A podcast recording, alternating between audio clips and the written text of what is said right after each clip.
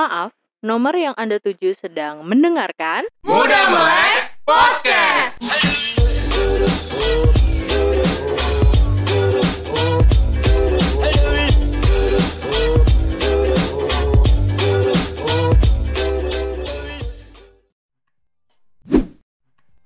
nyinggung soal tadi soal dunia kerja itu kan dinamis banget pak Mm.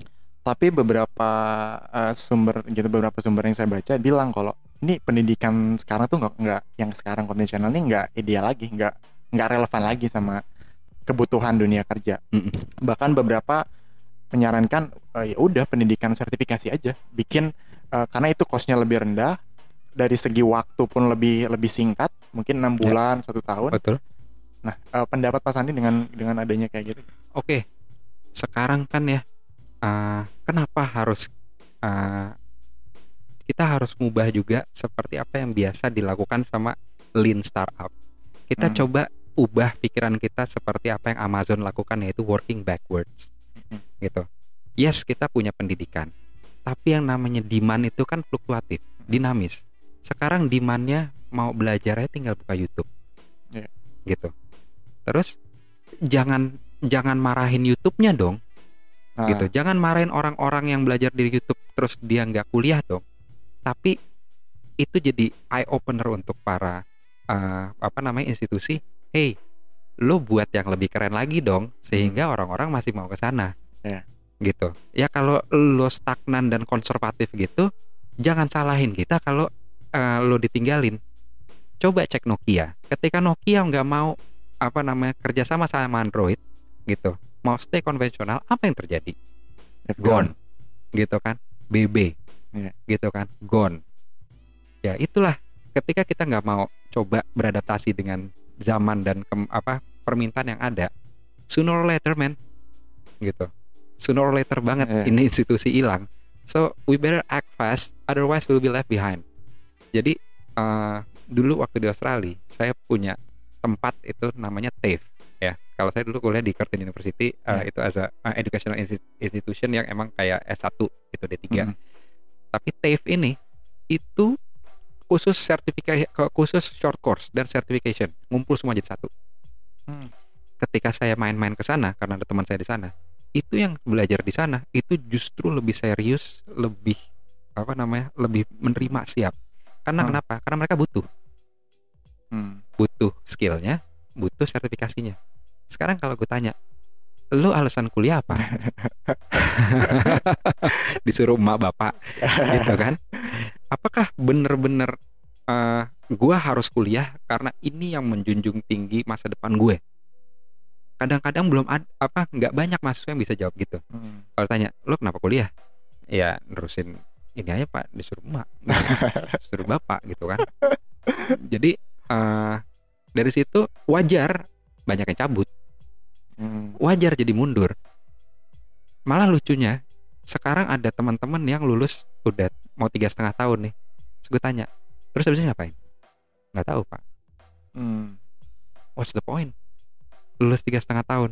Iya. Mending ma- manfaatin another six months ya untuk begaul gitu kan. Look the opportunity, lihat lo suka di mana, sampai akhir lo tahu, oke, gue keluar kuliah, gue mau ngejar ini, I see. Gitu. Jadinya, ya kalau memang kampus-kampus sekarang itu uh, dirasa konvensional, buatlah prodi-prodi baru, Iya. gitu, yang uh, catchy, yang lebih hype. Karena sekarang balik lagi ke kampus Merdeka nih, Iya. ya kan kampus Merdeka itu sudah dipermudah untuk pembukaan prodi baru. Iya, salah satu ini Eh, ya, salah satunya, salah satu key point yang paling Iya. gede. Terus akreditasi otomatis Iya, gitu. Berarti nggak usah repot-repot, mereka langsung tinggal cross check database gitu. benar. Tinggal apa lihat akreditasi masih bisa sama atau turun atau naik. Gitu. Saya baca juga eh, kalau pembukaan prodi baru langsung C, tapi kalau mau langsung diakreditasi bisa langsung A. Itu kan eh, kalau kalau nggak salah saya baca ya. Iya. Jadi itu sangat-sangat memudahkan sekali. Gitu. Jadi eh, ya mudah-mudahan eh, kita bergerak lebih cepat lah supaya eh, jangan jangan terus-terusan dibilang uh, fourth wave countries Iya. gitu kita juga harus canggih ya alhamdulillah kita sekarang punya uh, startup-startup yang canggih-canggih kan Iya, mulai itu mulai kelihatan ya. itu Jadi, udah pionir jadi kita tinggal nerusin nih So, um, mengelaborate yang tadi. Hmm. So pendidikan yang ideal menurut Pak Sandi itu apa? sekarang eh, pendidikan itu yang menyesuaikan dengan keadaan sih Hmm. gitu anak-anak udah nggak nggak sedikit anak-anak kalau ditanya kalau dia gede mau jadi apa jadi youtuber Iya. Ah itu gimana Pak? ada kan Iya. oke eh, sekarang kan itu demand ya kita harus Iya. eh, apa namanya supply mereka gitu tapi juga dikasih lihat plus minusnya SWOT-nya oke Atta Halilintar jadi youtuber se Asia canggih Iya. gitu kan oke duitnya banyak tapi apakah si anak itu ngelihat Atta Halilintar itu kerjanya gokil-gokilan Hmm. gitu. Coba lihat Atta Halilintar on the first year. Gila sih menurut gua. Nggak nggak nggak semua orang bisa ngelakuin apa yang dia bisa lakuin. Benar. Eh, buat buat vid- konten tiap hari gitu kan rajin banget gitu. Terus abis itu ngedit sendiri sebelum akhirnya punya tim. Oke. it's living hell man. Itu gila-gilaan. Kalau nggak kalau nggak dikerjain pakai passion pakai kesukaan mati orang. Iya. gitu. Jadi eh, sekarang kita melek-melek aja deh anaknya mau apa. Dan makanya balik lagi. Alham- alhamdulillah sekarang saya eh, dipercaya untuk di staf bagian kemahasiswaan Iya. makanya saya lagi mau encourage teman-teman mahasiswa eh eh, let us know what you want. Apa yang lo butuhin? Gitu. Kita pakai sistem working backward nih. Iya. instead of making things terus abis itu bikin marketing terus jualan ke orang dipaksa beli sekarang kita balikin bertanya lagi. Lo Butuhnya butuhnya apa? apa? Ya. gitu. Lo butuhnya apa di kampus ini kita coba akomodir Iya. sehingga eh, kalau lo dipuasin dengan apa yang emang lo mau pasti lo akan lebih serius daripada Iya. lo hanya dicekokin hal yang ya mungkin lo nggak suka Iya. ya enaknya kan di kuliah gitu ada penjurusan beda sama eh, SD SMP SMA gitu Iya. ya emang ada pakemnya harus dipelajarin gitu Ah, I can honestly say that my first daughters not strong enough on math Oke. gitu kan tapi saya juga cuma cerita cuma bilang sama dia oke if you're not strong in math that's okay but you have you know have to know the reason why you should uh, understand math and at least pass the math kenapa karena sistem pendidikan Indonesia itu mengharuskan kamu memang lulus math Iya. I know she is very good at drawing. She's very good at art. Tapi in order for her to reach a stage where she can learn whatever she want, berarti dia harus pas SD, SMP, SMA dong, which require math. Jadi itu hal yang saya sering ulang supaya dia mau say, it. okay, say, what's the reason you learn math? In ya buat pass the school and then later on I see. learn what you want. Gitu. Jadi kita harus tahu reasoningnya ya re- reasoning kita tuh belajar sesuatu sehingga kita pasti akan melakukannya lebih dengan sepenuh hati sih Oke, nggak bisa jadi expert. At Hmm. least alasannya tahu lah ya. Iya, alasannya tahu. Reasoningnya tahu. jangan sampai akhirnya jatuhnya karena gue harus kerja apaan aja karena gue harus hidup Hmm. and then you will never get things yang lo sukain gitu jangan sampai akhirnya kecebur ke sana karena hari itu akan datang Hmm. itu judgment day itu akan datang Iya. jadi jangan sampai hal itu datang lu masih nggak tahu lu mau ngapain Hmm. gitu and then you will be a corporate slave in the end Corporate. Ya. Oke. Uh, you're really optimistic about entrepreneurship, Mhm. khususnya di kalangan mahasiswa. Mhm. Itu itu juga yang jadi alasan kenapa ikut ngembangin klub yang is- isinya kumpulan mahasiswa yang ngerjain startup. Pertanyaan pertama, startup itu apaan, Pak? Oke, eh, startup itu sebenarnya banyak sekali definisi-definisinya ya. Ya. Karena belum ada secanggih eh, Kotler and Keller nih yang buat eh, definisi Iya. tentang marketing, Marketing, udah iya. jelas gitu kan di bukunya. Marketing tuh ini gitu kan. Ya. Oke, karena masih nggak jelas gitu. Ini adalah momen buat saya having my own definition. Gitu kan. Who knows gitu jadi jadi pakem gitu. Kita nggak tahu kan. Ada di Jadi, jurnal mana? ya, ada di gitu. jurnal mana gitu kan. Jadi uh, my my own definition about startup is is a non-shape idea ya, Non-shape. non-shape idea. Jadi idea yang masih kasar of solving a problem. Hmm. Gitu. Itu pakemnya. Jadi itu idea untuk solving a problem. Our everyday problem, any kind of problem. Yang akan terus diasah sehingga bisnis modelnya kelihatan Hmm. gitu. Bisnis model itu apa? Adalah something yang kita bisa dapat getting money out of it. Gitu. Dari dari problem solving itu kita bisa dapat uh, apa? profit out of it. Jadi akhirnya kita bisa dapat uh, support funding ataupun uh, uh, traction sehingga bisa uh, apa uh, dapetin uang. gitu jadi is a non-shaped idea of solving a problem. Gitu jadi uh, pokoknya kalau punya ide apa pun yang bisa diselesaikan masalah nggak usah mikirin itu bisa di teknologi atau enggak Mm-mm. gitu. Itu you can call it a startup. Sampai akhirnya nanti mungkin bentuknya digital ya that's a digital startup. Gitu. Oke, not necessarily teknologi bis- bisnis teknologi ya pak betul betul tapi uh, teknologi itu adalah tools yang nantinya pun pasti akan dipakai Hmm, buat scale up dan Ah, semacamnya. betul Tapi nih pertanyaan kedua, Hmm. is that possible buat mahasiswa ngerintis company yang diekspektasikan someday akan jadi jadi besar gitu? balik lagi ke obrolan awal kita nggak ada cara lain selain kita coba Hmm, gitu karena uh, William uh, Tokopedia Ya. itu sebelum dia buka Tokopedia kan dia jaga warnet. Ya, ya kan? Gitu. Nggak binus pun pada saat itu belum kampus entrepreneur Se- masih iya. kampus teknologi. Benar. gitu kan? Jadi sampai akhirnya dia keluar nih satu dari sekian banyak lulusan binus yang jeng bikin Tokopedia boom gitu. Sampai akhirnya dimanfaatkan juga sama binus akhirnya dia jadi kampus entrepreneur. Ya. gitu. Whoever, whoever thought of that? Gitu. Ahmad Zaki pun begitu. Ya. gitu kan ya jadi semuanya start from an idea dan mereka kan dari anak-anak lulusan kampus Hmm, jadi daripada nunggu Eureka momen dari sa- entah siapa mahasiswa di UNJ datang dan ceger gitu, ya kenapa nggak kita ngebibit aja dari sekarang? Oke. Eh, idenya ada yang make sense, ada yang enggak. Saya sih ngebebasin aja gitu. Maksudnya eh, I'm in the position of encouraging you guys gitu, Hmm. just to create, ya create an idea of solving a problem. Pada akhirnya nanti mungkin ada yang boom gitu kan? Ya mungkin itu it's your third idea, fourth idea, fifth, tenth idea yang kita nggak tahu. Jadi kita harus bina dari sekarang. At least if you're end up not making anything or maybe your startup uh, not getting funded at all gitu. At least you got experience. You get Yeah. experience of what? Making a pitch deck, gitu Hmm. kan. Discover an ideas, terus dibuat se apa sedetail mungkin sampai kalian bisa tahu uh, bisnis model di mana. And then you making a, a financial project semuanya Iya.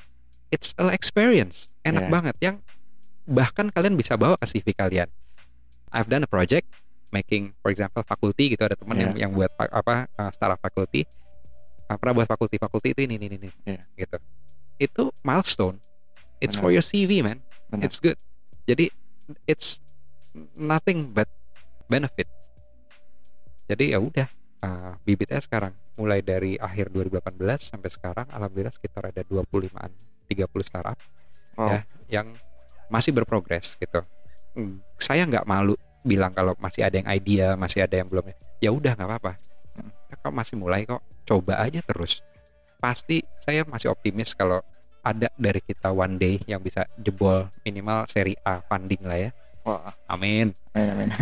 Even banyak startup pun itu bukan yang udah sukses ya pak, Hmm. bukan ide pertama ya, itu udah berkali-kali gagal kemudian and then oh ini yang yang valid gitu. betul karena tenang aja di startup life itu uh, jadi ada namanya pivot Nah, Ya. pivot itu kalau uh, harfiahnya tuh perpindahan dari satu titik ke Satu titik titik, lain iya. gitu kan. Jadi startup itu misalnya jalan terus nih. Terus kita mentok sampai akhirnya kita nggak bisa execute apa-apa. Terus dari masalah yang kita lihat itu pasti ada yang kita bisa terusin. Contoh gini, ada teman startup kita bikin mau bikin startup, startup travel Iya. gitu. Startup travel kan udah banyak. Benar. Gitu kan. Lo ka- kalau kasarnya nih, ya, lo mau ngalahin Tokopedia. Lo mau ngalahin pergi-pergi. Susah men gitu kan. Dekakorn kita aja De- level. iya dekalkornya kita travel gitu oke habis itu dengan segala macam pressure mentok kan terus ternyata sekarang mereka bikin oke pak. Kita sebelum ke travel kita mau buat portal tentang informasi travel tapi khusus mahasiswa aja deh gitu. Ah, oh ya udah gitu. Dia jalan gitu belok. Nah nanti kalau saya bisa ngelihat ke depan informasi itu akan jadi sebuah portal mahasiswa lihat ke sana gitu. Berarti kalau mahasiswa kan yang budget yang deket yang Iya. nggak yang nggak susah gitu kan. Mungkin bisa sama sekelas kayak Tripzilla atau Trip Canvas. Mm-mm. dari situ kan traction terjadi orang lihat ketika traction udah jadi arahnya mau dikemanain lagi itu bisa lebih enak. Hmm. jadi dari ide besar mereka ternyata ada specific things yang mereka bisa touch dan mereka pivot ke sana. Hmm. gitu. And itu itu keren men gitu. Iya. lanjutin aja. Dan gue di sini insya Allah 24 jam selama gue lagi nggak pacaran gitu atau lagi tidur gitu atau lagi doing something else ya siap. Bantu bantu berpikir bareng gitu mecahin permasalahan bareng gitu I'm nothing but help buat teman-teman mahasiswa di sini sehingga mahasiswa itu sebenarnya cuma butuh ditemenin Hmm. mereka punya tenaga, mereka punya pemikiran. Tapi ada yang bantuin ngedorong mereka pelan-pelan dari belakang. Ayo maju lagi, sedikit lagi, selangkah lagi, terus aja. Dan itu sebenarnya tugas dosen. Yang gue rasa sih perlu banget semua dosen ngelakuin hal tersebut. Eh, saya pernah baca juga pak di salah satu buku eh, Lean Startup Ya. eh, punyanya Eric Ries. Dia bilang ada satu poin eh, istilahnya eh, validated learning dia bilang. Bahwa eh, ketika ada sesuatu yang salah itu justru improvement buat decision making pada saat dia mau mau mutusin sesuatu lagi. Jadi kegagalan itu justru jadi modal dia buat alasan dia untuk ngambil keputusan berikutnya. Hmm. untuk eh, lebih matang lagi ketika ngambil keputusan eh, di beberapa hal. Even Airbnb aja ternyata ini menarik sih Eh, dia dulu pada saat dia kan startup yang bikin setiap rumah tuh bisa ditempatin orang kita disewain karena di sana tuh privacy tinggi banget kan.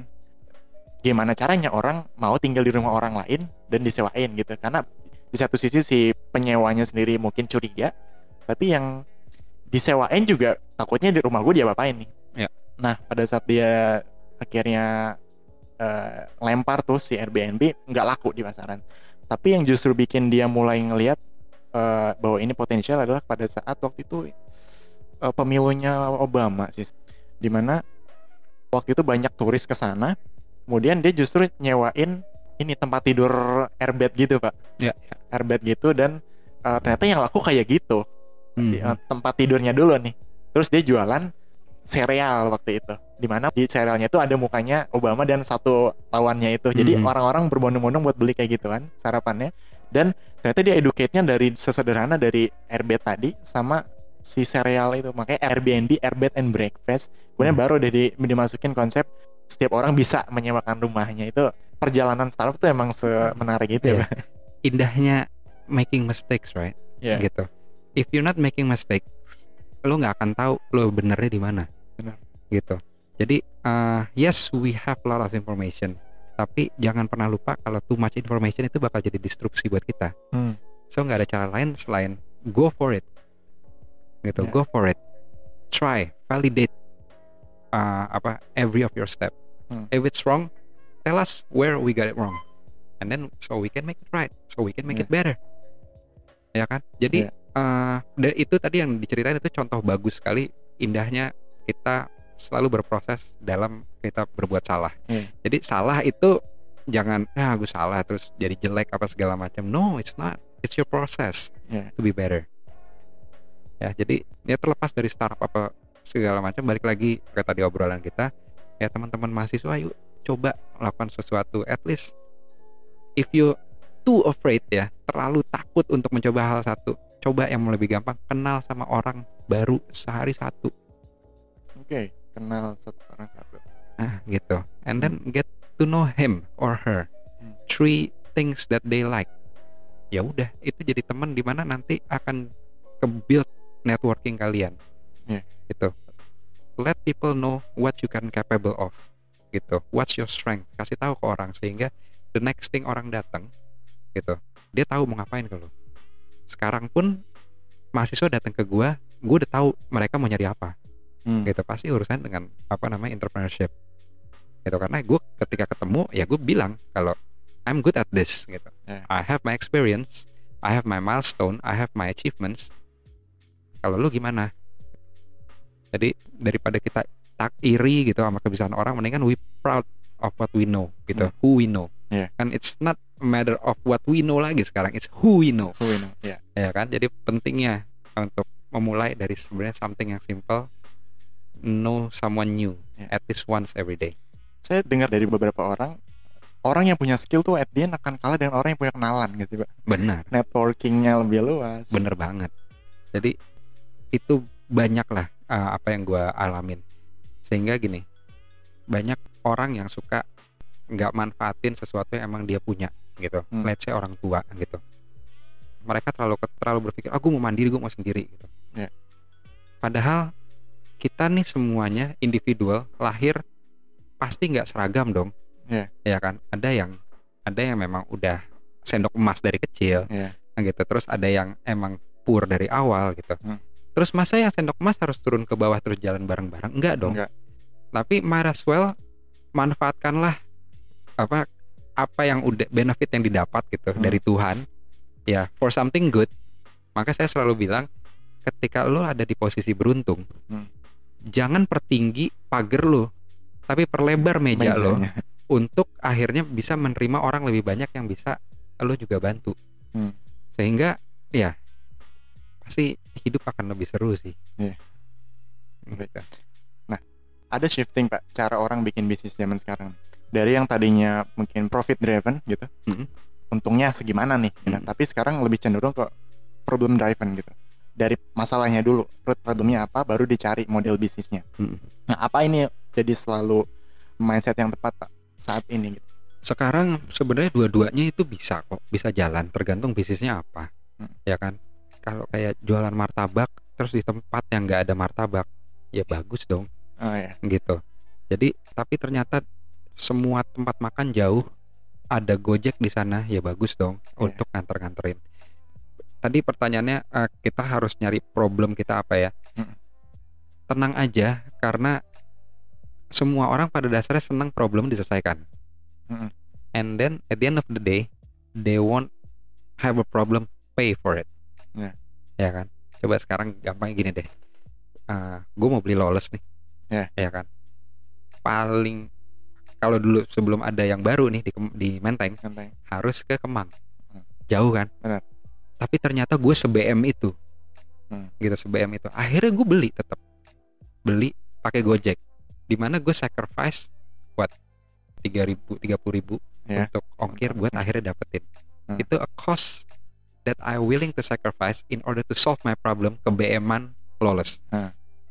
dan gue yakin orang-orang juga kayak gitu sekarang gue tanya deh lo mau nggak bayar dua puluh ribu tapi lo nyampe rumah nggak macet untuk beberapa pertimbangan kayak waktu saya akan pilih dua puluh ribu Nah, gitu kan. Iya. Sekarang balik lagi ke kepentingan. Iya. Gitu. Akhirnya itu salah satu contoh we apa have a problem paying. Iya. Gitu. To get our problem solved.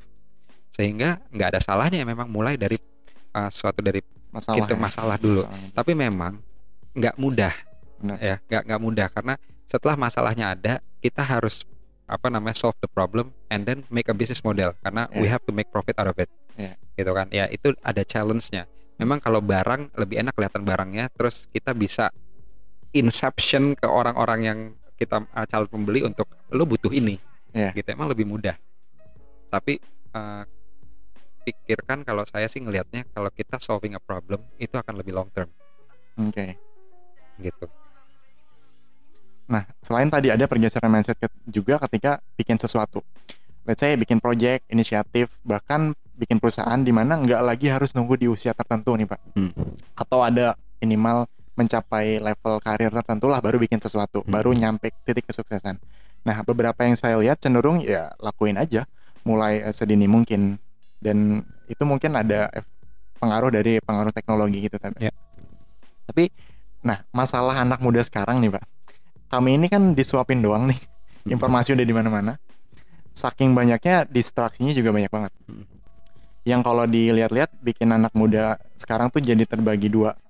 Ada yang produktif produktif konsumtif konsumtif banget. Hmm. yang produktif tuh biasanya yang nggak mau diem senangnya bikin sesuatu ngerjain sesuatu solving problems.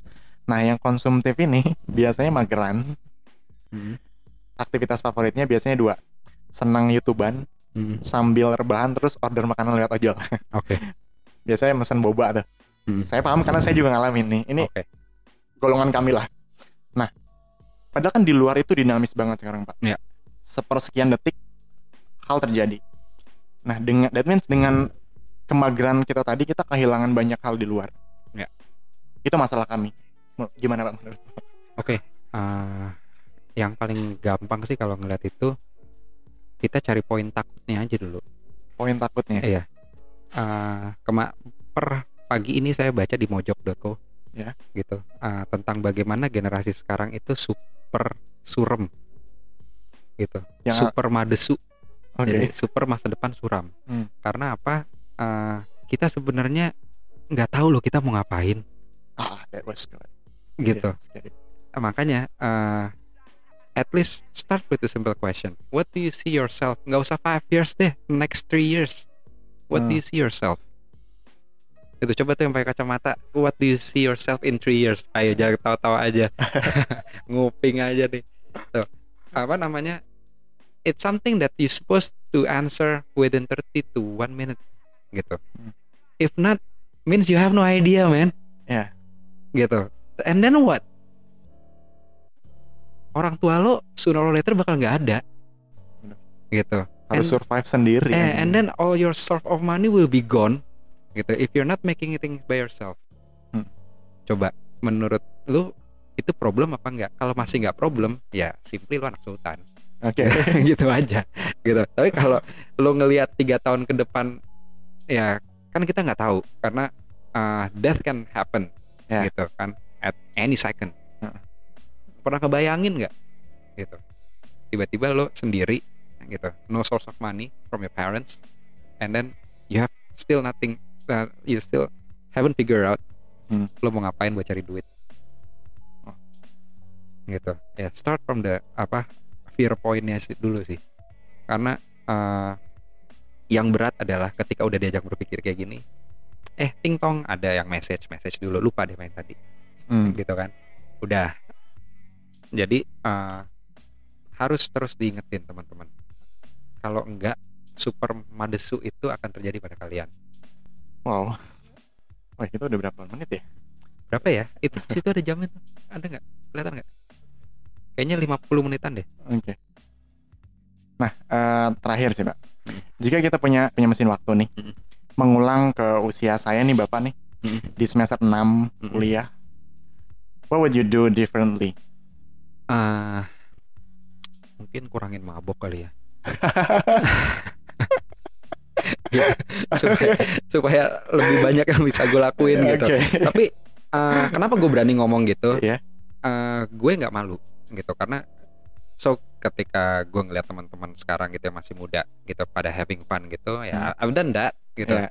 and then ya I know it's fun gitu tapi you just have to know your limit Gitu. terus uh, lebih kayak anak-anak mahasiswa yang sekarang gue bimbing gitu Hmm. Uh, making things karena pada zaman gue dulu gue jamin cuma modal PowerPoint doang gue pasti bisa dapat 500 ribu atau bahkan sejuta dolar Oke. karena back then uh, doing a pitch deck itu still a rare Masih, ya. ya apa jarang Di- di mana kalau dibandingin sekarang kan udah tahu kan bagaimana uh, bubble burst Iya. yang berikut nih yang berikutnya lagi-lagi ngalamin di mana uh, para investor udah mulai jengah sama seluruh uh, idea startup sehingga mereka Lebih uang- selektif lagi. ya, lebih selektif lebih picky lagi Iya. gitu gue juga cuma ngebayangin gak usah jauh-jauh kalau kemarin ngobrol sama coach Farhan ya Iya. yang datang kan 2014 2013 tuh modal pitch deck doang dapat lah 50 ribu 100 ribu dolar Hmm. gila kalau enak banget ya kita Iya. buat pitch deck sampai ubah sana ubah sini ikut pertandingan belum menang juga gitu nanti Iya. menang sekali baru 5 juta gitu kan Iya. ah ya tapi sesuatu cuma bisa disyukuri gue uh, dengan pengalaman gue baik buruknya yang membuat gue seperti sekarang Ya. so uh, yang gue bisa gue lakukan selain gue jadi diri gue yang lebih baik lagi gue ceritain ini semua ke teman-teman Ya. so be a better version of me Ya. guys sehingga kalian pasti nggak hanya bisa membawa fortune and apa namanya uh, prosperity untuk kalian semua tapi ya untuk nanti kampus kita ya bahkan mungkin membanggakan uh, Indonesia gitu who knows Ya. Uh, nggak akan bisa tahu kalau nggak dicoba dulu That's a good thing. So, eh, itu aja, Pak. Thank you banget atas waktunya. siap happy to Udah help mau diundang ngobrol-ngobrol. So, untuk itu gue Davidos dan Pak dosen Sandi izin pulang dulu sampai jumpa di obrolan berikutnya. Tetaplah melek. bye special atomic bomb we haven't enough.